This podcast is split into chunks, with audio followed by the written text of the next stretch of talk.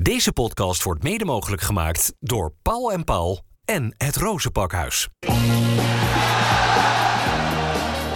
Dit is Rijnmond Sport, de podcast. Ja, dat was een relaxed avondje zo op eerste paasdag. Feyenoord won met eh, 5-1 van RKC Waalwijk. Geen vuiltje aan de lucht. Heerlijke zondagavondje in de Kuip. Zagen ook eh, Dennis en Dennis, voor wie het ongetwijfeld mannen wennen was om een keer niet met eh, bibberend, spannend angstzweet op de perstribune te zitten bij een wedstrijd van Feyenoord. Het is eh, niet vaak gebeurd hè, dit seizoen dat eh, Feyenoord toch betrekkelijk eenvoudig zijn wedstrijd met ruime cijfers won. Hier tegen Emmen natuurlijk gebeurde het ergens aan het begin van het seizoen. Nou, en nu deze avond. perfect natuurlijk voor Feyenoord. Nadat het een paar dagen geleden voor het eerst in lange tijd weer eens een keer een nederlaag moest incasseren. Dat het dan loopt zoals het vanavond loopt. Wat was jouw hoogtepunt van de avond, Dennis Kranenburg? Eh, de goal van Santiago Jiménez. En dat kwam uiteindelijk omdat er zo'n geweldige aanval aan vooraf ging. Hè, die over heel veel schijven ging.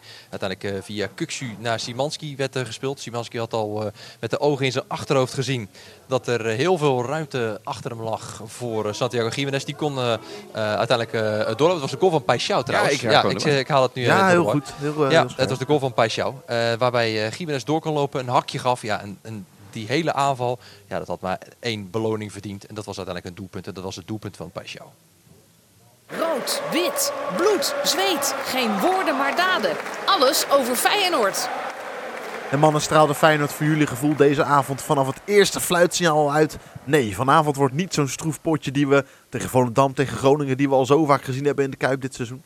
Mm, Het viel eigenlijk wel mee. Ehm, het eerste kwartier was dat, eh, ja, was dat nog niet zo. Eh, maar op een gegeven moment ging Feyenoord, zeker in de eerste helft, ging het zo eh, sterk spelen dat er voor eh, dit RKC geen, geen houden aan was. Zeker over de vleugels bleef Feyenoord maar doorbreken aan, aan beide kanten. Met name Idrissi vond ik het, vond ik het daarin goed doen. Beide vleugelspelers werden dan ook, vleugelverdedigers werden ook gewisseld halverwege bij RKC. Maar om nou te zeggen vanaf minuut 1 dat dat meteen die toon gezet werd. Nee, Feyenoord bouwde die wedstrijd wat op. Maar dat kon vanavond ook prima. Zouden ook bijna vergeten dat eh het aan Kilinsje Hartman te danken was dat het niet na ruim 20 minuten 0-1 stond. Hè? Zo, ja, die had eh, Ja. een, eh, goede, een goede redding op die, eh, op die inzet van, eh, Anita. van, eh, van, eh, van RKC, inderdaad. van Anita. Ja, die, Ja, die eh, scoorde hier vorig seizoen. Dus ik zei toen al... eh, Met het hoofd. we, moeten blij zijn, we, mo- we moeten blij zijn dat hij er niet, eh, dat hij er niet in gaat. Want vorig seizoen die, die kopbal van hem, die werd toen, toen 80.116 keer herhaald. dus ik ben blij dat hij eh, deze keer eh, dat dat ons achterwege is. Ja, het was een goede redding, want eh, hij was al voorbij de keeper. En het was echt aan Hartman te danken dat hij er niet in ging. Dat is echt, eh, ja, goed gedaan. Na die wat fortuinlijke 1-0 kwam een beetje geluk bij kijken, maar daar maalt helemaal niemand om. De bal van Mats Wiever die van richting werd veranderd en erin ging. Dan was, de, was het verzet ook wel snel gebroken. Ja, maar dat komt ook. eh, daarna zie je bij RKC dat het geloof eventjes... eh, ja, dat, het- nou, het moment is dan even weg hè, bij, eh, bij RKC. En Feyenoord heeft het dan op dat moment helemaal. En het scheelt natuurlijk ook dat Feyenoord binnen twee minuten twee goals maakt. Hè. Die van Wieven gelijk daarachteraan die van Paixão. Waarbij Gimenez weer een belangrijke rol speelt. Ja, en als je dan nog een paar minuten later de 3-0 al maakt... Ja, dan weet je gewoon dat deze wedstrijd in de tas zit. En dat bij RKC, ja, dan zag je echt na iedere minuut dat het verder ging... dat geloof steeds verder wegdalen. Omdat Feyenoord gewoon in 10 minuten tijd die hele wedstrijd naar zich toe trekt.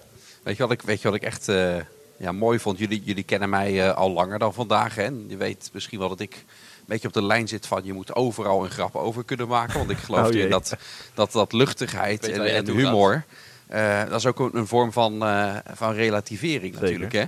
En eh, na die 1-0, die Wiever, die had een, eh, een wondje. Die had wat, wat bloed op zijn voorhoofd. Ja. En nou schijnt het, ik heb dat zelf nog niet teruggezien, maar ik las het wel, dat, dat Kuksu daarmee even een geintje naar hem maakte, naar hem toe ging. En een soort aanstekergebaar eh, maakte van, oh ben je geraakt door iets? Maar dan wel al meteen met een lach van, nou het is niet zo.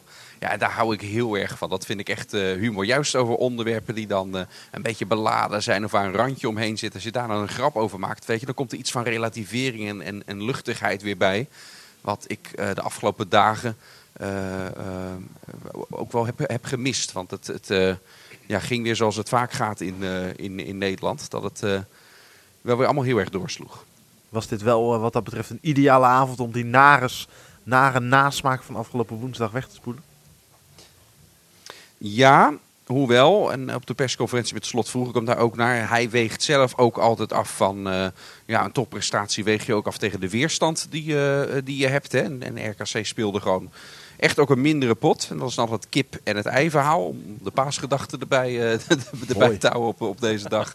Eh, komt dat dan doordat Feyenoord zo, zo sterk was of was RKC zo matig? Eh, ik denk dat Feyenoord ook echt wel sterk was. Zeker in het laatste kwartier van de eerste helft. Eh, maar ja, laat niemand zich rijk rekenen. Donderdag wacht er een wedstrijd die veel meer lijkt op de wedstrijd van afgelopen woensdag dan op die wedstrijd van eh, vanavond met een tegenstander die er alles aan zal doen om Feyenoord niet in zijn spelletje te krijgen zoals het het vanavond zo lekker speelde.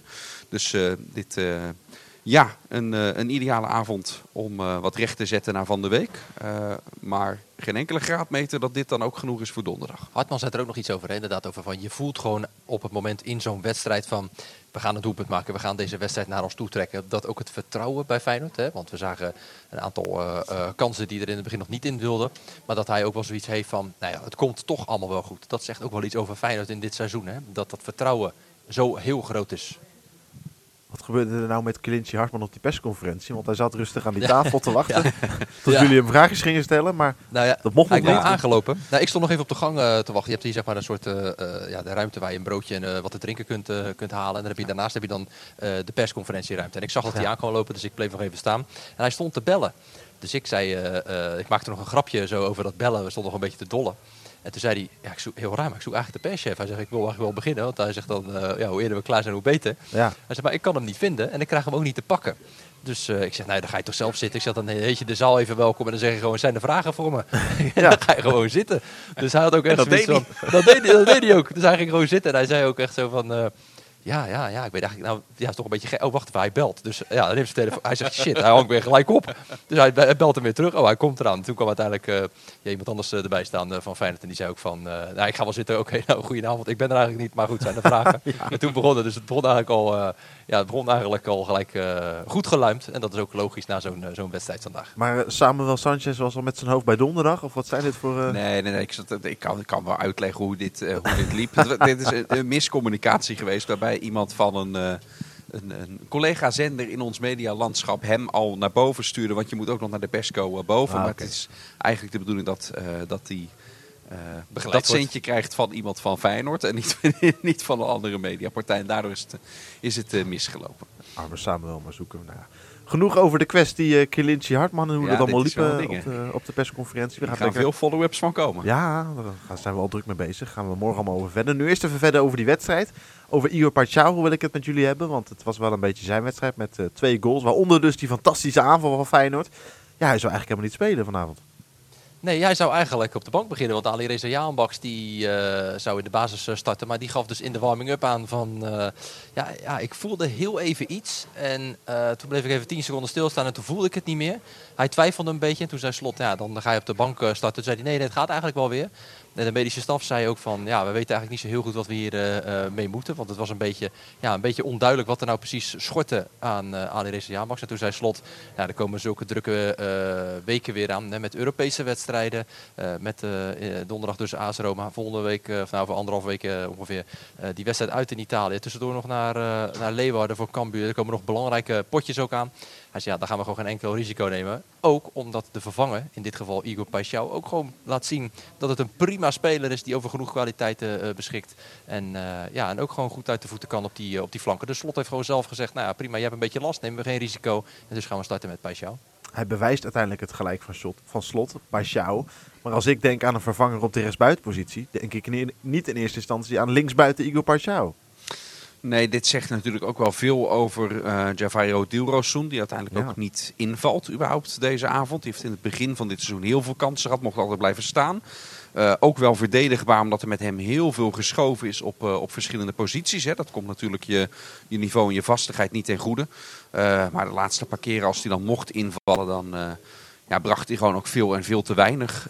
dus ja, ook logisch dat hij dan een keertje ook in diep, ik hoorde, wordt overgeslagen. En een keertje zelfs ook niet mag, mag invallen.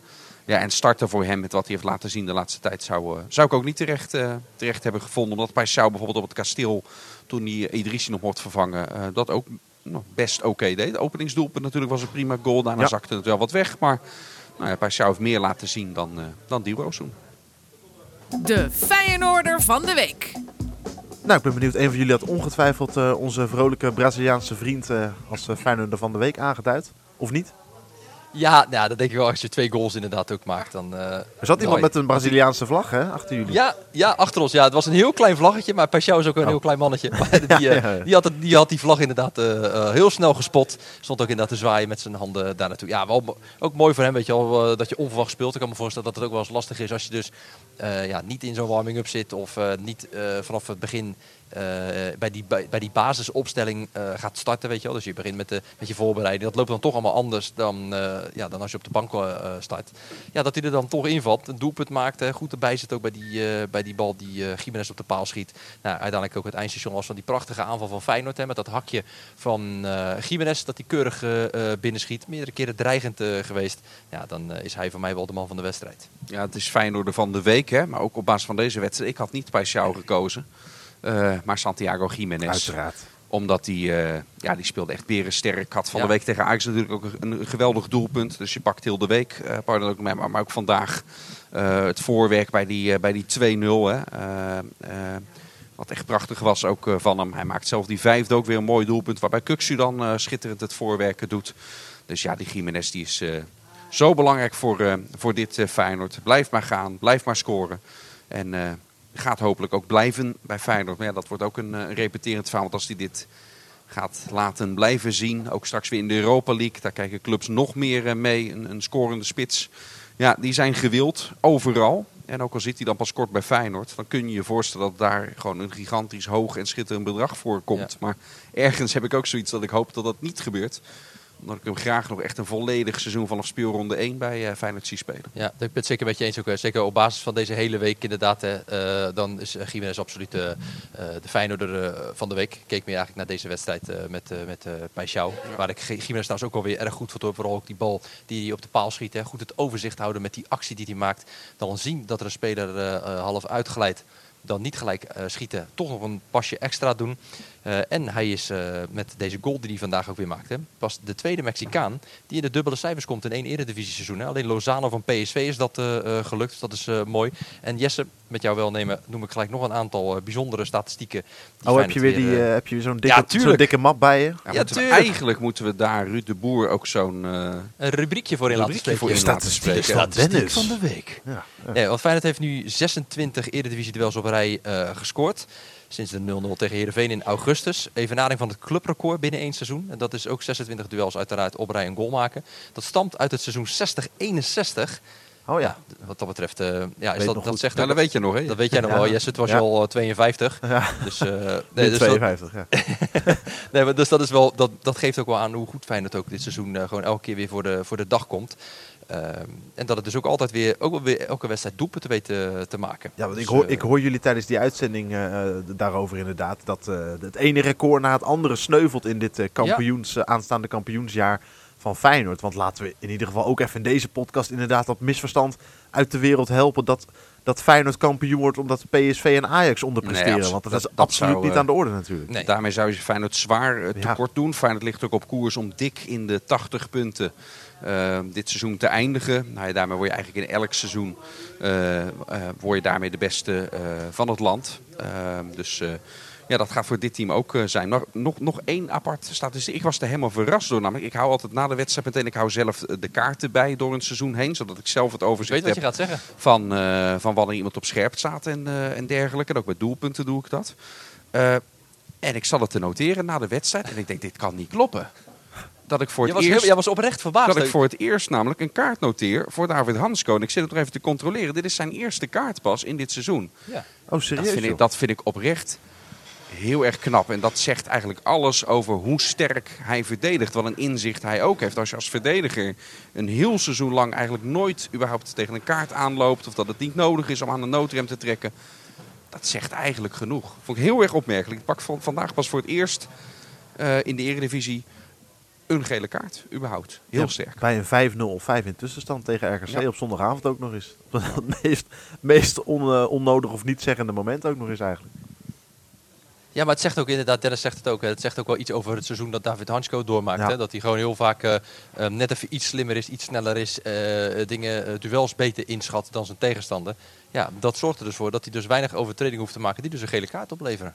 Hey, over die Jiménez nog even, hè, mannen. Want ik wilde Ja, daar nog even, even één dingetje over kwijt. Want we beginnen nu toch wel echt een van zijn, of zijn handelsmerk te zien. Hè? Begint hij dat toch echt wel eh, te creëren. Afgelopen woensdag tegen Ajax natuurlijk. Alvarez dat hij dan van links naar rechts gaat op volle snelheid. Een verdediger weet gewoon niet welke kant hij moet kiezen. Vandaag doet hij dat weer. Dat begint wel een beetje zijn handelsmerk te worden. Maar sowieso vind zo'n ik... op eh, zijn, ja, sowieso vind ik zijn, eh, zijn loopkwaliteiten eh, met en zonder bal echt ijzersterk. We zagen hem op een gegeven moment ook vorige week tegen Sparta een loopactie maken. Eh, en dan zorgt hij ervoor dat hij in de dekking dat hij dan zo meeloopt en dan op een gegeven moment zo weer juist wegloopt uit die dekking, dat hij een hele grote kans krijgt. Die schoot hij volgens mij tegen Sparta, schoot hij die over even uit mijn hoofd. Eh, maar je ziet ook dat eh, ja, die goal die hij uiteindelijk tegen Sparta maakte, de loopactie die hij dus schuin inzet, waarbij de bal precies goed in de, in, in de, in de loop eh, komt. Waarbij hij met de, punt van zijn, van zijn schoen in de verre hoek kan schieten. Ja, dat is zo goed. En vandaag zie je het ook weer bij die bal die hij uiteindelijk op de paal schiet. Hij dreigt een beetje, hij gaat uiteindelijk naar zijn linker, want hij wil natuurlijk het liefst naar zijn linker. En dan, wat ik net ook zei, niet gelijk overhaast schieten op het moment dat je denkt, hé, hey, hij glijdt uit, bam, gelijk uithalen. Maar juist dan nog heel even het overzicht houden. Ja, dat zegt zoveel over zijn, eh, over zijn eh, kwaliteiten. Dat hij dan nog net dat ene stapje extra doet. Net wat beter eh, staat. Net wat dichterbij is. Ja, en dat hij dan de paal raakt. Ja, dat is dan voor hem jammer. Gelukkig stond daar dan Pijsjouw nog naast om hem, om hem binnen te tikken. Maar hij is, ook als het gaat om juist die looplijnen, daar is hij zo slim in.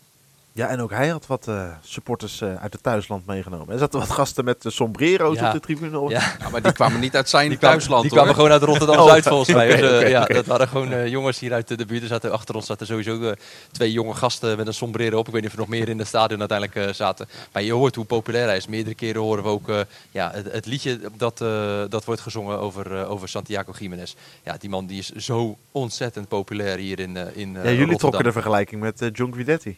Ja, maar die was ook in hele korte tijd heel populair geworden. En nou zijn de persoonlijkheden natuurlijk heel verschillend hè, tussen eh Jiménez en Guidetti. Want Guidetti was heel extravert en ik denk dat... Oh. eh, en, ja, is je nooit opgevallen? Nee, nooit opgevallen. En ik denk dat Jiménez is wat, wat introverter wat dat betreft. Maar ja, eh, ze doen allebei eh, eh, ja, wat ze hier in Rotterdam... Wat, wat we hier in Rotterdam heel graag zien. En dat is inderdaad eh, veel werk verrichten ja, en doelpunten maken. Nou ja, en dan zorg je ervoor dat je gewoon hartstikke populair wordt. Wil je trouwens nog zo'n koek, Dennis? Want ze liggen hier Of eh, koeken hebben ze? weer. Van die koeken die, eh, waar jij toen een keertje eerder eh, kijk- zo graag een stukje nou uit. van had gegeten. Dat je, dat je maanden last had. Die ik, koeken liggen er nu weer. Ik sla even over inderdaad. Ja, ik had toen een gekneusde huig volgens jou, toch? Ja. Ja, Volgens, vol- volgens jezelf vooral. ja, Wij- Wij vonden het dokter malari-koek, maar... Ja, laat Maar die, die koeken, Jesse, die liggen hier nu weer. We moeten door, jongens. Oké, neem, maar- door. neem maar even eentje naar de podcast, Dan. Of nee, dan lig je er weer een maand uit. Dus, eh, De glazen Ja. koek. ja, we, gaan de, de, focus, de glacékoek. De glazen koek. we gaan de focus verleggen naar aankomende zondag, inderdaad. De glazen bol. Zullen we die wedstrijd die door de week gespeeld wordt nog even meenemen ook? Het is maar een klein potje. Ja, dat zei ik. We gaan onze Nee, focus je- verleggen naar aankomende donderdag. Nee, je zei zondag. Zei ik zondag? Ja, Oh, ik Ja. bedoel donderdag, sorry. Ik wil zeggen. We, kijken van wedstrijd tot wedstrijd, Ja, Jesse. je hebt helemaal gelijk. Ja, maar ik snap dat jij al bezig bent met Cambuur uit. met eh, Feyenoord Roma is een tussendoortje voor Ja. Cambuur uit. Ik snap je wel, Jesse. Ja, Ja. ja, de generale repetitie. Nou, kom maar op. Poeh, ja, begin jij met, Den. Ik, wilde, ik eh, laat hem heel even... Eh, ja, dan zeg ik 2-0 voor Feyenoord. Zo. Lekker man. Ja, En wie maakt dan de eerste? Orko Kuxi. Strafschop. Hij kijkt me ook echt aan zo van... Ja. Ja, wat, Zo verlekkerd. Ja. Ja, lekker man. Ja. Ja, nou, ja AS Roma... eh daar- It geht on! It geht on. Zouden ze zondag zeggen. Gisteren gewonnen, hè, met, eh, of zaterdag, wellicht eraan wanneer je deze podcast eh, luistert. Met 1-0 gewonnen uit bij Torino. Die goal werd al na acht minuten gemaakt door Dybala Dat vanaf was wel weer echt een Mourinho-wedstrijd. Typische AS Roma Er is Mourinho daarna wedstrijd. 80 minuten lang niet meer gevoetbald. Nee. Nee. Nee, dit is inderdaad, er Ja. gebeurde niks. Maar aan de andere kant... ik, ik zeg ook 2-0, eh, Den, zo, zo jouw voorspelling. Ik zeg dat ook vooral voor- omdat er een heel stuk hoop bij zit. Want ik denk wel dat Feyenoord een marge moet opbouwen donderdag. Die je meeneemt naar Rome. Zij Ja. hebben er in de Conference League al, maar ook dit seizoen zo vaak dat ze dan uit met 1-0 hebben verloren. En dan breien ze het eh, in, in de return in Rome. Zo is ook steeds de loting voor ze geweest. Dan breien ze het weer recht. Dat is ook een enorme kwaliteit. Ja. Dus zelfs al sta je met, met 1-0, ja, reken je nog niet rijk. Je, maar je kan ook weer niet volle bak op de aanval tegen ze, ze gaan. Dus ja, dit wordt gewoon eh, ook wat dat betreft eh, schaken in die, eh, in die wedstrijd. ja het, is, het is een ontzettend lastige ploeg. Staat derde in de, in de Italiaanse Serie A. Ja, en we hadden het net al een beetje over. Terwijl als je kijkt naar de andere clubs die gewoon veel meer geld hebben, doen zij het gewoon ja, echt wel heel knap in die, in die competitie. Ik denk wel dat Slot ook zoiets heeft van. we hebben vorig jaar natuurlijk tegen ze gespeeld in de, in de Conference League finale. En da daar denk ik dat hij nog wel eens een paar keer van wakker is eh, geworden van, eh, van die wedstrijd ook. Hè? Want ja, de goal Dat die, eh, die je ja. tegenkrijgt. Niet alleen hij. nee, niet alleen hij. wel eh, nog wel een, een paar honderdduizend mensen. Dat hij ook echt wel gebrand zal zijn om daar een goed resultaat neer te zetten. En ik denk al die spelers ook wel die er toen bij waren. Dus eh, dat die ook wel zoiets hebben van we gaan ervoor. Ik denk Met hoeveel winnen ze? met Feyenoord? 2-1. En Gimenez, ja, die prikt de eerste erin. En misschien de tweede ook wel. Kijk, mooi. Staat genoteerd. Heb jij die wedstrijd nou gewoon zitten kijken, Dennis van Eersel, zaterdagavond? Dat je zei, met de, er is 80 minuten niet gevoetbald. Nee, Heb je dat helemaal niet. uit zitten kijken? Nee, ik heb niet de zaterdagavond eh, live Torino AS Roma zitten. Nee? Maar daarna uiteraard wel, eh, eh, wel teruggekeken. Maar dat doe ik heel vaak met eh, komende tegenstanders. Dat ik daar bij de wedstrijden al... eh, Slot ook niet, hè? Zeker ook- van Europese, dat ik die in de gaten hou. Dat ik die eh, kijk als het alleen al voor namen, uitspraak van namen en hoe Zeker. spelen ze. Dus Slot had hem ook niet, nog niet een gezien. vak. Nee, Slot Nee. nog niet. Maar Slot die delegeert dat richting, in dit geval dan Marino Pusic. Oh en ja. de andere keer is het Sipke Hulshoff. Een leuke Dus wedstrijd. Feyenoord hij worden natuurlijk al... eh, de wedstrijden van de tegenstanders worden al, eh, zeker bij Europese tegenstanders, eh, worden natuurlijk al bekeken. En wat ook meespeelt, hij zei ook van ik heb zeker eh, na die, eh, voor die vorige wedstrijd, hè, die Conference League finale, hij zegt, nou, hij zegt ik heb al nou, 24 noemde hij. Hij zegt dat is misschien wat veel. Hij zegt maar ik heb echt heel veel wedstrijden van die ploeg bekeken. Hij zegt dus ik kan opspelen 5-3 eh, op, opleveren Ja. 5-3-2. Die spelers doen dit. dat klopt, gebeurt daar. maar ze hebben wel een paar eh klassenspelers erbij gekregen Ja. die de vorige seizoen... Ze zijn 2-3. eigenlijk nog sterker dan, dan vorig Ja. seizoen, hè? Feyenoord ook. Dat klopt. Dat klopt. Ja. ja. Nou, lefgozer. Oude dibbers. Ja, dit is... Oh, dit, Ja. loopt, dit loopt weer helemaal gierend uit de klauw. Hey, Nee, mannen, de- als we nog even verder kijken tot slot dan van deze podcast. Wordt het 7 mei, 14 mei? Wat zegt jullie gevoel nou een beetje? Dat is handig voor de planning van de mensen. Ik denk eh, 7 mei. Feyenoord ligt nu op koers om 14 mei kampioen. Als Feyenoord zelf blijft winnen en de concurrenten doen dat ook, wordt het op 14 mei eh, eh, kampioen hè, tegen Ja. Go Ahead Eagles. Ja. Maar mochten PSV en Ajax eh, de 23 april over twee weken van nu spelen die tegen elkaar, mocht dat in een gelijk spel eindigen, dan schuift het opeens een weekje op. En eh, heb je in het schema dat Feyenoord op 7 mei in Kralingen uit bij Excelsior kampioen kan worden. En dat zou toch een mooi verhaal zijn, zes jaar na dato. Ja. Zelfde datum, zelfde wedstrijd. Maar deze keer lukt het wel. Hoewel Excelsior die punten wel... eh, je zou ook een broederdienst weer eh, kunnen krijgen. Waardoor Excelsior erin eh, blijft. Ja. Maar daar gaan we er tegen die tijd. Ja, eh, daar gaan we het dan allemaal weer gaan we eens even kijken. Eerst aankomende donderdag, donderdag maar is de eerste Alsof wij wedstrijd de in de kwartfinale van de... hebben. ja, ook dat. En alsof Slot gaat zeggen, nee natuurlijk gunnen we Excelsior wel die punten. Nee, neem maar lekker. Ja, ja, we stellen alle festiviteiten wel een weekje uit. Zitten de Feyenoorders helemaal niet op te wachten. Dus, eh, maar. Ja. Aankomende donderdag, man, de eerste wedstrijd in de kwartfinale van de Europa League. Feyenoord tegen AS Roma. Jullie uit, uiteraard uitgebreid bij om er weer een lekker 90 minuten plus een beetje verslag van te doen. En daarna is er weer een nieuwe podcast Feyenoord. Hopelijk tot dan. En dankjewel voor het luisteren naar deze. Dit was Rijnmond Sport, de podcast. Meer sportnieuws op Rijnmond.nl en de Rijnmond app. Deze podcast werd mede mogelijk gemaakt door Paul en Paul en het Rozenpakhuis.